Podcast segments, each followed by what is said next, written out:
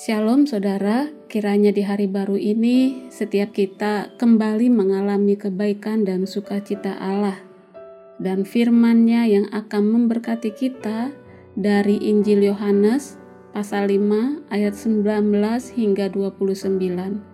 Saya akan bacakan khususnya ayat 24. Sesungguhnya aku berkata kepadamu, siapa saja yang mendengar perkataanku ia percaya kepada Dia yang mengutus aku, ia mempunyai hidup yang kekal dan tidak turut dihukum, sebab ia sudah pindah dari dalam maut ke dalam hidup. Demikian firman Tuhan. Kekekalan dalam pusat hidup kita. Saudara, sesungguhnya semua manusia memiliki keyakinan spiritual baik orang beragama maupun tidak beragama. Setiap orang ingin hidup ini masuk akal, dan kita semua selalu menerjemahkan berbagai hal. Tidak ada orang yang menjalani hidup begitu saja. Kita membedah kehidupan, berusaha membuatnya masuk akal. Kita semua mengembangkan pemahaman pribadi tentang teologi, Alkitab, dan lain-lain. Kita semua mengembangkan semacam filosofi tentang kehidupan. Kita semua memiliki cara pandang yang membentuk pola pikir kita, keinginan, pilihan, ucapan, dan perbuatan. Tidak ada orang yang pasif. Kita semua membentuk pandangan tentang kehidupan.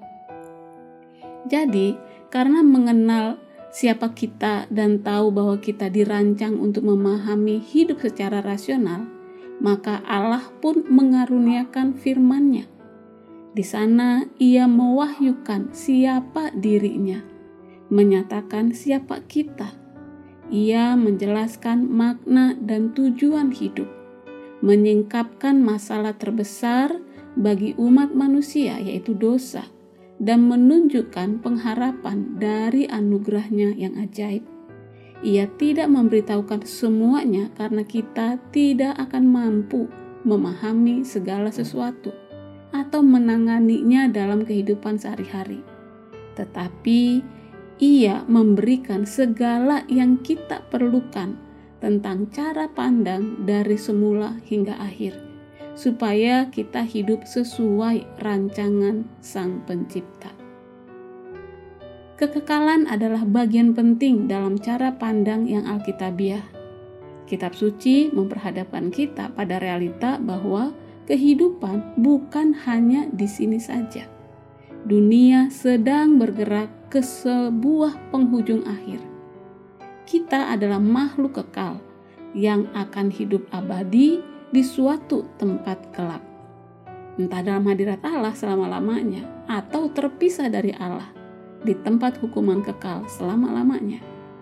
Realita tentang kekekalan mengisi masa hidup kita saat ini dan di tempat ini dengan keseriusan serta pengharapan.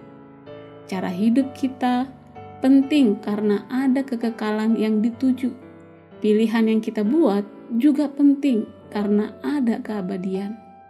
Kepercayaan kita penting karena dunia ini bergerak menuju kekekalan.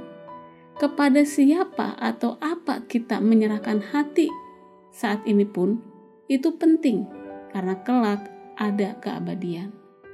Yang jelas, saudara, kita tidak bisa berpegang pada pandangan hidup bahwa yang penting hanyalah kesenangan saat ini. Tidak bisa sekaligus percaya pada kekekalan.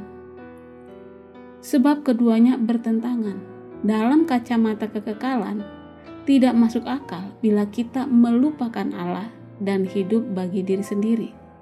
Di hadapan keabadian, tidak rasional bila kita membuat peraturan sendiri dan menginginkan cara kita sendiri.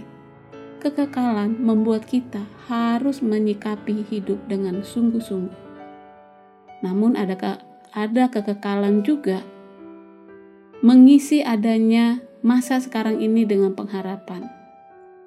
Karena kita tahu bahwa kehidupan bukan hanya di sini saja. Kita juga tahu bahwa dosa, pencobaan, penderitaan yang saat ini tidak akan berlangsung untuk selamanya.